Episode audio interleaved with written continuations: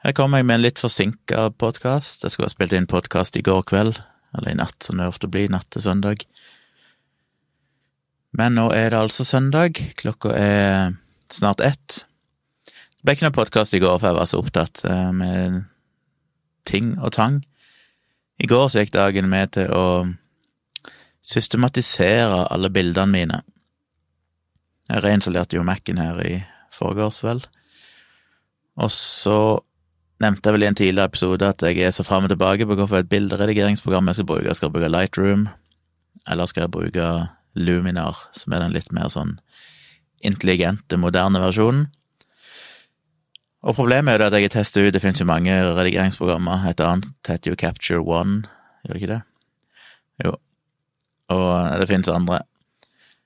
Så når jeg testa de, så har jeg jo gjerne kopiert litt uh, mapper med bilder og importert for å liksom teste ut hvordan det er å organisere bildet der og redigere. Og så, hvis ikke jeg bruker programmet, så blir ofte den kopien av alle bildene mine, de mappene med bilder, bare liggende. Og så mister jeg etter hvert litt oversikten på hvilke bilder det er egentlig jeg bruker her, hva er det som er hva jeg skal spare på, hva er det som jeg bare kan ditche. I tillegg så er det et problem med Lightroom, at Lightroom har jo en sånn classic-versjon, som var, var den gamle Lightroomen, som jeg vel nevnte. Den er ganske mye mer, eller den inneholder jo på en måte alt. Og så har de lansert en ny Lightroom eh, som er mer for eh, skyjobbing, og som også funker med iPad og sånne ting. Og det er litt komplekst, for det er hvis du skal bruke begge samtidig Jeg vil gjerne bruke Lightroom Classic, for der er det en del muligheter som ikke er i den nye ennå. Men hvis du bare bruker Lightroom Classic, så kan du ikke bruke Så kan du ikke jobbe mot eh, clouden på samme måten så jeg, da kan jeg ikke redigere bilder på iPad, og det var det jeg likte best, var egentlig å redigere bilder på iPaden. Så da gikk det an å lage en workflow der du bruker begge programmene, du har både Lightroom Classic og Lightroom på Mac-en, og når du importerer bilder, da, nye bilder, fra minnekortet til et kamera, for eksempel, så må det importeres i Lightroom, den nye Lightroomen, og så må du la det synke opp til clouden, og så kan du fyre opp Lightroom Classic og la den synke ned igjen alle bildene og lagre alle originalene. Så ja. Så dermed er også å lagre det filet i øst og vest og ditten og datten, så det er vanskelig etter hvert å finne ut hvor er det egentlig bildene finnes hen. Eh, så jeg visste ikke helt hvilken mappe som tillot hvilket program og hva som var i bruk og sånne ting. Så jeg endte opp med å eksperimentere en del, måtte ta rename mapper, og så starte opp programmene, og så se er det noen av de som klager på at de ikke finner mappa si lenger, eller opprette en ny mappe automatisk med samme navn. Så jeg drev og eksperimenterte mye og prøvde å slette, og det er så scary å slette, for sletter du tusenvis av bilder som ligger i noen mappe, og så plutselig oppdager du at oi, shit, de skulle jeg jo ha beholdt. Men jeg tror vel stort sett jeg fant ut av det. Um, Men så er det jo et problem, da, at eh, jeg har vel egentlig nå, som Luminar etter hvert er kommet med en del nye versjoner og oppdateringer som gjør at programmet stadig blir kjappere og bedre og mer stabilt, så har jeg egentlig lyst til å bruke Luminar, for det sparer meg for så mye arbeid. Spesielt når jeg redigerer portretter.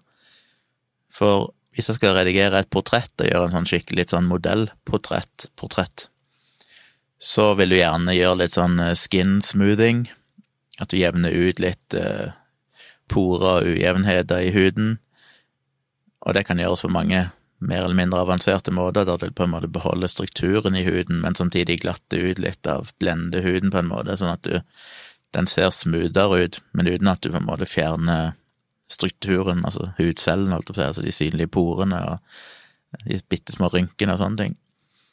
Så det er mange teknikker å gjøre det på, men det er ganske krevende. Og gjør du det i Lightroom eller Photoshop, så må du inn ofte og maskere huden, det vil si at du må på en måte bruke en slags pensel og så male over det som er hud, sånn at de endringene du gjør, kun påvirker huden, og ikke for eksempel øynene eller leppene eller håret og det som er rundt. Og det tar jo litt tid, så det har jeg gjort mange portretter på iPad, når Jeg først satt og pensla ut hele ansiktet, og så har jeg smootha ut bare huden, og så pensler jeg øyne og øyenbryn og kanskje nesetipp og leppe, og så gir de litt sånn sharpening, sånn at det blir litt skarpere og sånne ting, men det skal du ikke gjøre på huden, for den ønsker du skal være litt mer smooth. Og det er utrolig mye sånn må fram og tilbake og pensle inn og ut og gjøre forskjellige endringer på forskjellige deler av et ansikt, og det tar lang tid. Da skal du gjerne redigere mange bilder.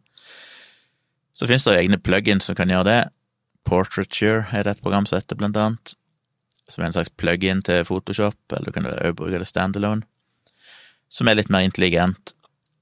Eh, men de koster en del penger, det blir mye som skal henge sammen. Det fine med Luminar er at den har dette på en måte innebygd. Ikke nødvendigvis 100 så avansert som for eksempel Portraiture, som er et eget program som bare gjør det, men mer enn godt nok. Så eh, Luminar er jo ganske smart, den bruker jo AI, kunstig intelligens, på et eller annet vis til å analysere bildene og skjønne på en måte hvordan han skal behandle et bilde. Så hvis du, det er en egen modul der da bare for sånn portrait uh, retouching, og da kan du bare si smooth skin, så er det en slider du kan dra fra 0 til 100, alt etter hvor mye du vil smoothe skinnet, huden. Og da finner han automatisk huden på bildet, selv om det er mange mennesker, du kan ha et gruppebilde med mange, og så vil han automatisk detektere huden og påføre de endringene, og da gjør han det på en sånn intelligent måte som bevarer strukturen i huden, men samtidig smoother ut ujevnheter. Og du kan, eh, på nesten alle portretter, så liker jeg å gjøre ansiktet litt lysere, for det som er lysest og skarpest i et bilde, er det som øyet blir dratt til. Så hvis du på en måte, ja, gjør ansiktet hårfint lysere enn resten av bildet, uten at du på en måte ville merke det hvis ikke du var klar over at det var gjort noe, så står bildet mer ut, du blir som dratt mot, eh, mot ansiktet. Og det kan òg gjøre i Luminar, det er en egen slider for å lysende ansiktet, og det funker òg på gruppebilder. Så hvis du har gruppebilde, så kan du bare dra en slider, og så boom, så blir alle ansiktene litt lysere. Og det er en egen slider for å fikse øyet. Du kan bare dra en slider, og så vil han gjøre irisen og alle detaljene i, rundt pupillen i irisen mer eh, crispy og litt sånn blanke, og at øynene står litt mer ut. Du kan lysne hvite, hvite i øyet, du kan lysne tennene, gjøre tennene hvitere, da finner han automatisk tennene, og du kan endre fargen på leppene, og alt dette her. Og sammen med landskapene, egne slidere for for eksempel hvis du har et landskapsbilde, så kan han automatisk booste farger i blad og gress og sånne ting, så finner han automatisk blad og gress i bildet, uten at du må gå inn og maskere det. Eh, og tilsvarende hvis du har et bilde med en person i, og du ønsker for eksempel å øke kontrasten, eller gjøre andre sånne endringer, så har han intelligente ja, eller øke farger, for eksempel, så er han intelligent nok til å se at på dette bildet så er det et menneske, så de endringene som blir gjort, skal på en måte ikke påvirke ansiktet, for det er en av de fargene det jeg har hørt, er jo at de tre fargene mennesker er mest eh, bevisste på, det er hudfarge, det er farge på himmelen, og det er farge på gress. Sånn at de fargene bør som regel være korrekte. Hvis du fucker opp de fargene der, så merker du på en måte at noe er off. Det meste annet kan du være ganske kreativ med. For eksempel hudfarge, der må du være veldig forsiktig, for det øynene og hjernen er veldig innstilt på hva som er en naturlig hudfarge. Så det klarer Luminar å gjøre automatisk. Hvis du hadde brukt Lightroom, den, den har ingen intelligens i seg, den bare gjør det du sier. Hvis du eksempel skal booste kontrast eller booste farger, ja, så bare ser han på bildet som helhet og bare gjør det overalt mens Luminar vil da identifisere at her er det et menneske, så her må jeg være forsiktig med ansiktet, så han kan for eksempel booste kontrasten på alt som er rundt, men er forsiktig med å gjøre så veldig mye med akkurat ansiktet. Og alt sånn intelligens sparer meg for mye arbeid. Og så har jo Luminar noen bakdeler, det er tidvis treigere enn Lightroom, det hender at det krasjer, men han autosaver bildene hele tida, så jeg aldri mista noen ting, det bare å starte det opp igjen og så fortsette der jeg var. Um, og så mangler han kanskje Han mangler jo noen features i forhold til den der classic lightroomen, for den har jo all slags features for å sette opp bilder klar for trykk, der du kan velge papirtype og alt mulig, og så emulerer han hvordan bildet vil se ut når du printer det på forskjellige typer papir, og du kan gjøre liksom masse sånne greier. Du kan velge hvilket blekk du skal bruke i printeren, og så vil han tilpasse bildet ut ifra hvilket blekk du har. Alt sånn har ikke Luminar, men det har jeg jo aldri brukt i Lightroom. Og en annen fordel med Luminar er at det er en engangspris. Du betaler én gang, så har du programmet. Adobe, som har Lightroom og Photoshop og alt dette her, gikk jo for noen år siden over fra sånn engangspris over til en eh, månedsabonnementsmodell, som fort kan bli litt dyrt i lengden. Du betaler hver måned en del penger for å kunne bruke de programmene. Og det er fint å bli kvitt alle sånne faste månedlige utgifter, for det baller fort på seg. Jeg har jo sinnssykt mye lisenser, det koster meg ganske mye hver måned med lisenser på alt mulig slags programvare. Så alle plassene jeg kan kutte det, er en fordel. Så jeg har litt lyst til å bruke Lightroom, nei, Luminar, men da eh, Da må jeg på en måte organisere bildene på nytt inni der, og problemet er jo det at bilder som er laga i Lightroom, som jeg har redigert i Lightroom, er jo ikke kompatible med bilder i Luminar. Jeg kan selvfølgelig importere det ferdige resultatet, jeg kan eksportere en ferdig redigert bilde i Lightroom og importere det i Luminar og se hvordan bildet ser ut, men jeg kan ikke da gå inn etterpå og så tilbakestille endringer jeg ikke har gjort i Lightroom, for eksempel, eller justere på endringer jeg ikke har gjort. Og det vil jeg jo sjelden ha bruk for, men det hadde jo vært greit å på en måte hatt et komplett arkiv av alle bildene mine som jeg fortsatt kunne redigere. Men hvis jeg sier opp Adobe-abonnementet, så mister jeg jo på en måte den muligheten til å redigere tidligere bilder, for de er jo bare for Lightroom. Det er ikke kritisk, som sagt, for de er jo ferdig med og har eksportert de, og ofte Ja, jeg har jo de ferdige resultatene, og jeg har jo som mål å bli bedre og bedre som fotograf, så det er ofte så ser han på de gamle tingene og tenker at ja, det var ikke så bra likevel. Men uh, det er litt kjipt, så da fant jeg plutselig ut Det er jo mange som har etterlyst lenge at Luminar burde ha en sånn importfunksjon, der jeg kan importere Lightroom-bilder. Det hadde jo gjort det mye lettere for folk å bytte over til Luminar, så Luminar har jo veldig mye å Eller Skylum, som det firmaet heter. Ville jo hatt mye å tjene på å gjøre det. Problemet er at det er ikke så enkelt som en kanskje skulle tro. Men så oppdaga jeg plutselig at for noen uker siden så var det en uh, programvareprodusent som har laga et program som heter Avalanche som skal liksom håndtere dette, da, og konvertere bilder mellom forskjellige redigeringsprogrammer. Alt fra Apple Photos til Capture, til Capture One, til Aperture, til Lightroom Classic, til eh, Luminar, fram og tilbake. Og måten de gjør det på, det er at de tar et bilde, for eksempel hvis du eksporterer bilder i, eller du har bildene dine i Lightroom-biblioteket, så kan du si til Avalanche at her ligger bildene i Lightroom, jeg ønsker å overføre de til Luminar, så bruker han òg kunstig intelligens til å lese bildene i, i Lightroom. Noen verdier kan du på en måte bare overføre direkte. For eksempel, eh, jeg tror cropping, for eksempel, altså hvis det er beskjært bilde, så kan han stort sett bare gjøre det veldig enkelt å innføre samme beskjæring i uh, Luminar.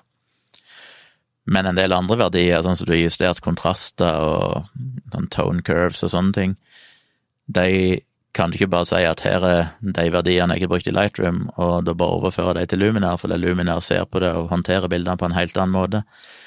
Så de bruker kunstig intelligens til å analysere bildet, og så prøve å sette de rette verdiene i Luminar, sånn at bildet blir mest mulig likt det du hadde i Lightroom. Som er ganske genialt, men det tar en del tid. Skulle jeg overført alle bildene mine, så ville det tatt ganske mange timer. Det er så greit nok, det er bare å sette det på en kveld, og så kan det stå til neste morgen. Men jeg testa bare en sånn gratislisens der du kunne overføre 100 bilder. Så var det maks limit på den gratistesten. Og det funker vel for så vidt greit, faktisk. Eh, men det er en del ting han ikke får med, sånn som hvis du har brukt sharpening, altså gjort bildet skarpere, og en del andre sånne ting, de tar han foreløpig ikke med, for det må han jo analysere på en måte. Så det er en del ting du mister underveis, og da liksom sånn hvis ikke du får det helt over 100% så er det ikke noe vits i, egentlig. Da gidder jeg på en måte ikke. Så jeg tror ikke jeg kommer til å stresse når vi overfører gamle bilder over til Luminar.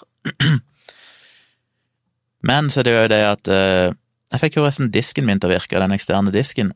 Jeg håpet jo at en reinstallasjon av Mac-en skulle løse problemet, det gjorde det ikke. Men etter å ha googla litt det, Dette visste jeg jo egentlig før jeg reinstallerte Mac-en, jeg bare gadd ikke å gjøre det. Selv om det bare er ett enkelt avkrysning i innstillingene på Mac-en, løste hele problemet. Og det var at som standard, tror jeg, på Mac-er, sikkert Windows-maskiner òg, så er det jo gjerne sånn at for å spare strøm, så kan du si at hvis du har en sånn gammeldags eh, mekanisk disk, altså ikke en moderne SSD, de gamle eh, fysiske holdt jeg på å si, pladelagringsdiskene som det heter, med magnetiske plater som spinner rundt, så kan du si at den skal spinne ned disken etter en viss periode for å spare strøm. Så når ikke disken er i bruk, så spinner på en måte ikke de platene rundt. Men hvis du går inn på disken, så må den spinne opp, og derfor merker du av og til en liten delay på noen sekunder, da du liksom hører at disken spinner opp før du liksom får fram filen og sånn. Jeg tror jeg det var det som var årsaken. Den ene disken håndterer ikke det spesielt bra, så den han hadde stått der en stund, og operativsystemet sa at nei, nå er ikke denne disken vår i bruk, så nå spinner jeg den ned for å spare strøm. Så funka ikke det spesielt bra. Da bare klikka han, da bare liksom disconnecta han, og så fikk jeg en feilmelding at du må passe på å ejecte disken før du plugger den ut.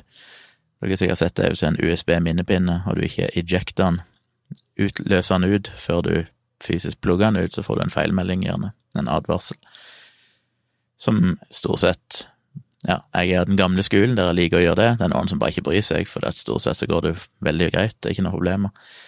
Men jeg liker alltid å løse ut en disk, eller ejecte en disk før jeg plugger den ut, eller en minnepinn, eller hva det måtte være. Så jeg fjerna den avkrysningen og sa at nei, bare la diskene spinne, ikke spinn de ned for å spare strøm. Og da ser det ut til at det funker. Dessverre kan du ikke gjøre det per disk, du kan bare gjøre det enten på alle diskene eller ingen. Så nå må alle diskene spinne hele tida, men det er vel ikke noe stort problem. Så da er den disken stabil. Og så måtte jeg jo få opp igjen all backup, og det er det som er det store problemet, fordi eh, den interne disken i iMac-en, den bruker jeg Time Machine, som er Mac-en sin innebygde backup-løsning, som på en måte tar en kopi av alt innholdet og dumper det på en ekstern disk i mange generasjoner, sånn tar jeg bare endringene, så du kan gå tilbake inn i tid og det er derfor dette time machine, for du kan gå tilbake til en viss dato og tid, og så kan du si jeg vil ha filer sånn som den var for tre dager siden klokka to. Så kan du bla deg bakover til det tidspunktet, og så kan du restore, gjenopprette filen akkurat sånn han var der og da. Men eh, Så det funker for det interne. Og internt så har jeg egentlig veldig lite viktig hvis hele disken skulle krasje og jeg ikke hadde backup, så hadde jeg egentlig ikke mista noe, fordi at alt av viktige filer ligger enten på eksterne disker eller i clouden, så det som ligger internt på iMac-en min, er veldig sjelden kritisk. Men jeg har nå en time machine backup, just in case. Men så er det som av bilder og videofiler, som jo er mange terabyte med data, som da ligger på to eksterne disker. De kjører det som heter RAID, som betyr at det er to disker i hver boks, og de er speila, sånn at alt som blir lagra på den ene disken, blir også automatisk lagra på den andre disken.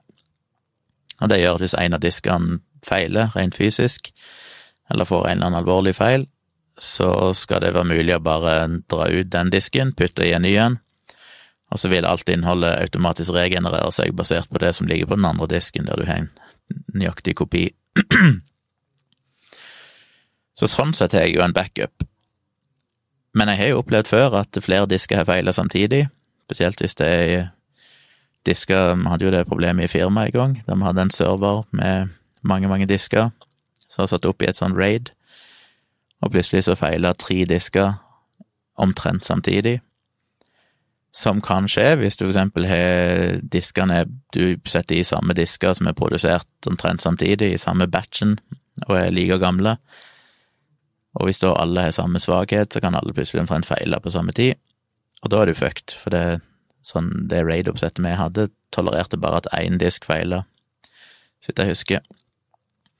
Og når da plutselig to eller flere feiler, så, så er alle data basically lost. Så eh, da er det viktig å ha andre backuper. Og det blir fort dyrt med disk, som sagt. Så jeg har jo disse to eksterne diskene, som begge har raid, så de er jo backup av seg sjøl, kan du si.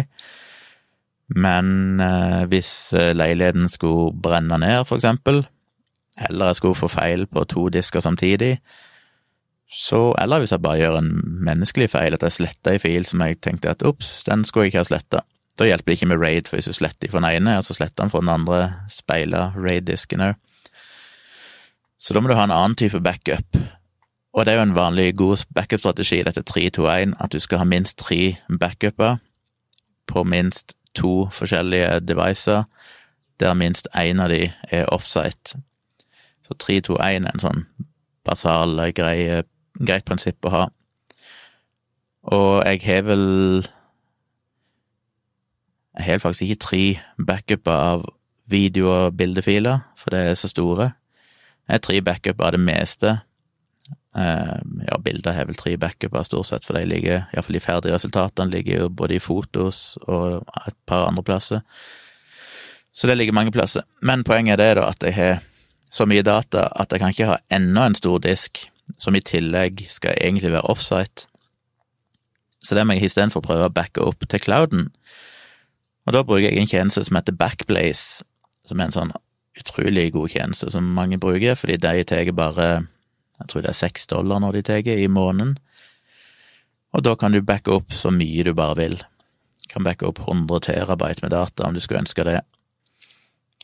Ehm, så det er ikke noe limit på backupen, men det tar jo sin tid å laste opp data. Der jeg bodde før, på Tøyen, så hadde jeg jo fiber med Jeg hadde vel gigabit-fiber, så jeg hadde basically gigabit både inn og ut av leiligheten. Da hadde det funka vesentlig bedre. Her jeg bor nå, så tilbyr de bare Get, og da tror jeg vi har er det 500 eller sånn i download, og det er greit nok, men i upload så tror jeg det bare er 25 eller noe sånt megabit. Og da tar det sin tid når du skal laste opp terabyte med data. Det er snakk om at det kan ta ukevis å få laste opp den første backupen. Og lager jeg én video som fort kan være liksom 500 gigabyte med data, så tar det mange dager før det er ferdig synka opp. Så det betyr egentlig at på nye filer, store videofiler og sånn, så har jeg ikke noe backup før det har gått ganske lang tid. Så, jeg, så det er ikke en optimal løsning. Men jeg vet ikke helt hvordan ellers jeg skal løse det. Og nå er det ikke sånn at ja, videofilene er ikke det viktigste. Mister videoene, så er det greit nok. De ligger allerede på YouTube. Jeg kommer neppe til å redigere originalfilene igjen i framtida. Det er litt verre med bilder. Jeg har ikke lyst til å miste bilder. Så ja, det er nesten så jeg vurderer om jeg skal bare disable backupen, cloud-backupen av videoer, sånn at han heller kan prioritere bildene. For ellers risikerer jeg at jeg plutselig legger inn en video, og så blir ikke bildene heller backup på mange dager, for han driver og jobber med å laste opp videofilene, så det er ikke helt bra. Så må må se litt på det. Men det driver han og styrer med nå, så det tar jo Nå har han fortsatt 4,2 terabyte igjen han skal backe opp, og det vil jo da, med de settingene jeg har nå, så tror jeg han klarer sånn kanskje 100 gigabyte om dagen. Så det vil si at det tar ti dager for å få én terabyte. Det vil si 40 dager. Så han kommer til å bruke halvannen måned omtrent før han er backa opp alt innholdet én gang. Så det er jo ikke så kult. Så jeg må finne en annen bedre løsning på det. Jeg tror faktisk, jeg har ikke tenkt på det før jeg sa det nå, men jeg lurer på om jeg skal deaktivere backup av videofiler, hvis jeg klarer å få det til. Ja. Um, da har jeg ranta mye om det. Jeg aner ikke om det finnes en eneste av dere som hører på, som er interessert i disse tekniske datatingene. Men uh, gi meg gjerne en en liten eh, tilbakemelding i kommentarfeltet hvis, dere, det finnes noen der ute som syns det er interessant, som driver med foto eller video, eller er interessert i backup-løsninger og sånne ting. Så jeg har ganske mye erfaring med det etter hvert. Til slutt så vil jeg bare si at eh, det er søndag, ja.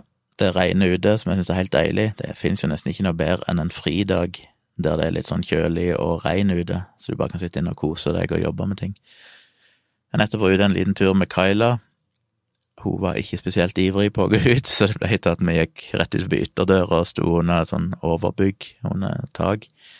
Jeg prøvde å dra henne ut i regnet, men det var ikke tale om. Hun eh, blir stående og riste og fryse og skjelve som om det er verdens undergang, bare fordi det er litt Hun får noen regndråper på pelsen. Så det var ikke så vellykka. Men jeg syns det er deilig når det regner sånn. Jeg skal bruke dagen nå på å få redigert de siste bildene. Jeg var ute i natt, forresten, for jeg var ute og gikk en tur med, med Kyla ganske seint. Meg og Tone ble sittende oppe og se på noe TV-greier. Og sånn i ja, Hvor mye var klokka? Jeg husker ikke, men det var i hvert fall nattestid en gang. Så plutselig så jeg at oi, shit, det er jo fullmåne. Eller jeg er litt usikker om det var formelt sett fullmåne, men han så den iallfall helt full ut, så enten så var det fullmåne, eller så er det fullmåne i kveld, eller så var det dagen før. Men iallfall tilnærma fullmåne, og det var klar himmel med bare noen få skyer, og månen sto ganske lågt over horisonten og var ganske gul og fin, så jeg tenkte shit, jeg må få tatt bilde av dette. Så etter jeg var ferdig med å lufte Kaila, så gikk jeg inn og henta fotoapparatet og stativ, og rigga meg opp et par forskjellige plasser og prøvde å ta noen bilder. Men det er krevende å ta bilde av månen, for månen er jo veldig, veldig lyssterk. Altså, han reflekterer jo lyset ifra sola, og det er ganske kraftig lys. Vi har jo fantastiske øyne. Øynene våre er jo uendelig mye bedre enn kamera, fordi vi klarer å ja, å håndtere sterke kontraster og likevel kunne se ganske gode detaljer. Men jeg skal prøve å gjøre det med et kamera, så er det ikke så lett. For hvis du da setter innstillingene på kamera sånn at månen er dim nok til at du ser liksom kraterne og ser strukturen i overflata, så blir jo alt rundt av omgivelser helt svart. Hvis du derimot puster lyset, altså åpner opp for så mye lys at du ser litt av omgivelsene, hvis du vil ha med litt skyer og himmel og kanskje noen fjell under og sånn, så blir jo månen bare en overeksponert hvit flekk. Så det er ganske krevende å finne en mellomting der. Da er det mange måter å gjøre det på. Du kan ta flere bilder med forskjellige eksponeringer, så kan du etterpå smelte dem sammen med forskjellige programmer, som da tar og må du finne de eh, Ja, smelte sammen deler av bildet som gjør at alt blir mer eller mindre riktig eksponert. Men en eller annen grunn så fikk jeg ikke det til i går. Jeg prøvde på det, vet ikke om det var fordi Jeg vet ikke hvorfor, men han nekta å gjøre det i kamera, så det må jeg finne ut. Men jeg fikk iallfall tatt noen bilder på litt forskjellige eksponeringer, så jeg hadde litt forskjellig å jobbe med og begynte å redigere bare sånn kjapt i går før jeg la meg, jeg måtte bare se hva resultatet ble.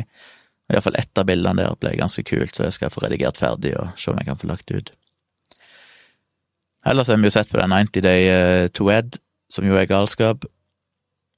Men det er bare én ting som slo meg der. Det er Jeg blir så fascinert av um, Dette er jo amerikanske familier, og én ting som er irriterende, er jo at alle tror at alle vil til USA som er ganske fascinerende. Ja, selvfølgelig er det en del sikkert som eh, har en drøm om å komme til USA, og kanskje vil gifte seg med noen for å komme til USA. Men det er greit nok det hvis det gjelder et eller annet relativt fattig land eller noe sånt. Det vil sikkert synes det er en bonus å komme til et eller annet vestlig land i utgangspunktet. Men det er jo en del av disse folkene som gifter seg med folk fra Europa eller andre plasser, og allikevel så tror de at vi har en sånn enorm trang til å komme til USA. Jeg blir så forbanna, for å lyst til å bort og si til dem er du klar over at USA basically er et u-land? Dere har jo faen meg barnedødelighet på nivå med et u-land. Dere har jo ikke noe sosialt nettverk, det er jo fullstendig krise. Jeg vil jo heller tro at de burde komme til Europa, her vi faktisk har moderne stater som har et sosialt uh, sikkerhetsnett og eh, gode helse, godt helsevesen som stort sett er gratis, og alt det der. Så det er så provoserende at de har en slags idé om at alle vil til USA, og at USA er det beste landet.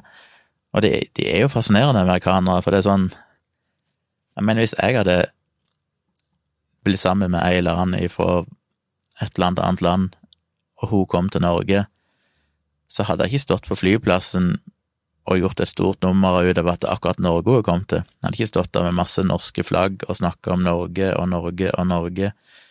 Det hadde jo vært meg hun kom til. Jeg driter vel i om jeg bor i Norge eller Sverige eller Tyskland eller eh, Russland, men for dem er liksom USA i seg sjøl så viktig, de er så ekstremt patriotiske at det er helt kvalmt. Og en annen ting er dette med familiestrukturene. Det er klart, dette er jo et um, Dette er jo de menneskene som er i programmet, som sikkert er valgt ut fordi de er litt spesielle i utgangspunktet. Men de er så utrolig tette, det mange av disse familiene. Og hvis en av de skal reise vekk, så sitter liksom søsknene der, dette er jo godt voksne mennesker, og det er sånn, det er helt forferdelig at uh, søstera mi skal reise vekk, og bla, bla, bla. Og jeg bare tenker, hæ? Jeg er vokst opp med to brødre, han ene bodde i Sør-Amerika en periode, og jeg mener, det er sånn, å, ja, skal han til Sør-Amerika, ok, kult, ha det fint. Jeg er jo glad i brødrene mine, vi har jo kjempegodt forhold, vi er jo en familie som alltid har hatt det veldig bra og masse kjærlighet og Men jeg er jo ikke knytta til dem på noen sånn måte, jeg er et voksent menneske. Om en av de skulle finne på at de ville bo i Japan i fem år, så hadde jo det betydd absolutt ingenting for meg. I verste, beste fall så hadde det betydd at jeg hadde en grunn til å reise der og besøke dem. Men det er så fascinerende at voksne mennesker er sånn Hvis noen i familien reiser vekk, så er det liksom helt sånn totalt sammenbrudd. Fordi de vet ikke hvordan de skal klare seg. Eh, det er bare det er bare helt fjernt for meg. Jeg vil alltid være Jeg vet ikke om jeg bare er blitt oppdratt til å være mer selvstendig, eller hva det er. Det er bare så rart at folk, enkelte folk er så avhengig av familien sin, sjøl oppe i voksen alder. Det finner jeg veldig, veldig rart. Men de om det. Da fikk jeg spilt inn podkasten noen timer for seint. Eh, Ca. tolv timer for seint. Jeg hadde vel normalt spilt inn denne for tolv timer siden, sånn natt til søndag. Men jeg måtte nå gjøre det fordi at eh, jeg måtte få ut en podkast for gårsdagen. I dag, søndag, skal jeg egentlig ikke ha noen podkast fordi vi skal ha samboerprat i kveld klokka åtte. Så hvis du hører den episoden tidsnok, husk å benke deg foran eh, YouTube eller Patrion klokka åtte i kveld.